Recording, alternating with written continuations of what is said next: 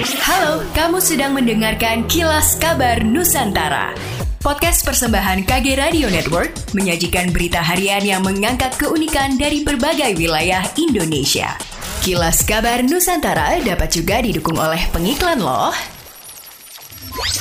Tahun depan, kemungkinan revisi Undang-Undang Informasi dan Transaksi Elektronik akan mulai dibahas oleh pemerintah dengan DPR. Masyarakat sipil berharap terbuka ruang partisipasi publik yang memadai saat pembahasan. Menteri Koordinator Bidang Politik Hukum dan Keamanan Mahfud MD mengatakan pemerintah tidak pernah main-main untuk merevisi Undang-Undang ITE. Mahfud mengatakan bahwa Presiden berharap proses pembahasan revisi Undang-Undang ITE di DPR akan lancar dan cepat sehingga bisa diselesaikan pada bulan April 2022. Eits, ingin belajar soal mengelola keuangan dan juga investasi bersama ahlinya? Check out podcast Cuan Cari Untung bareng teman. Persembahan Motion KG Radio Network by KG Media yang tayang setiap hari Rabu hanya di Spotify.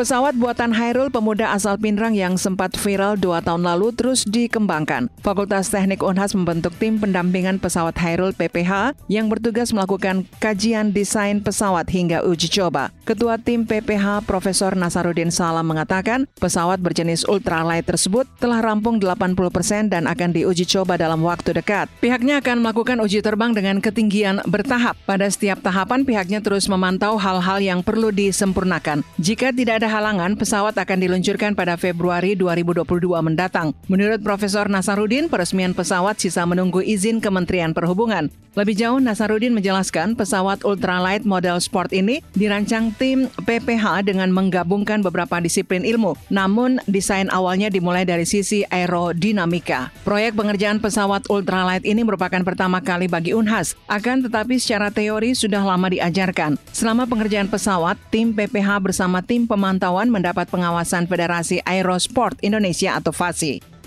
Bencana banjir dan longsor yang kerap terjadi di beberapa wilayah Sulawesi Selatan bukan hanya berpotensi menghilangkan sejumlah harta benda, tapi juga dapat memusnahkan berkas administrasi kependudukan atau adminduk masyarakat. Untuk mengatasi hal tersebut, Dinas Kependudukan dan Pencatatan Sipil Sulsel membentuk tim reaksi cepat. Kepala Dinas Kependudukan dan Pencatatan Sipil Sulsel, Sukarniati Kondolele mengatakan, tim tersebut akan membantu masyarakat mengurus adminduk yang rusak akibat bencana. Sukarniati mengungkapkan pihak pihaknya telah mengantisipasi hal itu sejak bencana di Luwu Utara beberapa waktu lalu. Tim reaksi cepat ini meliputi personil Dukcapil yang ada di 24 kabupaten kota sesulsel. Sejauh ini pihaknya belum merinci berapa total laporan kerusakan admin Duk dari masyarakat korban bencana. Ia mengakui pihaknya bergantung pada laporan masyarakat. Soekarniati menyebutkan admin Duk yang rusak disebabkan bencana sebagian besar adalah KTP, kartu keluarga, serta akta kelahiran. Menurutnya pergantian admin Minduk tidak sulit, mengingat saat ini pelayanan kependudukan sudah berbasis digital.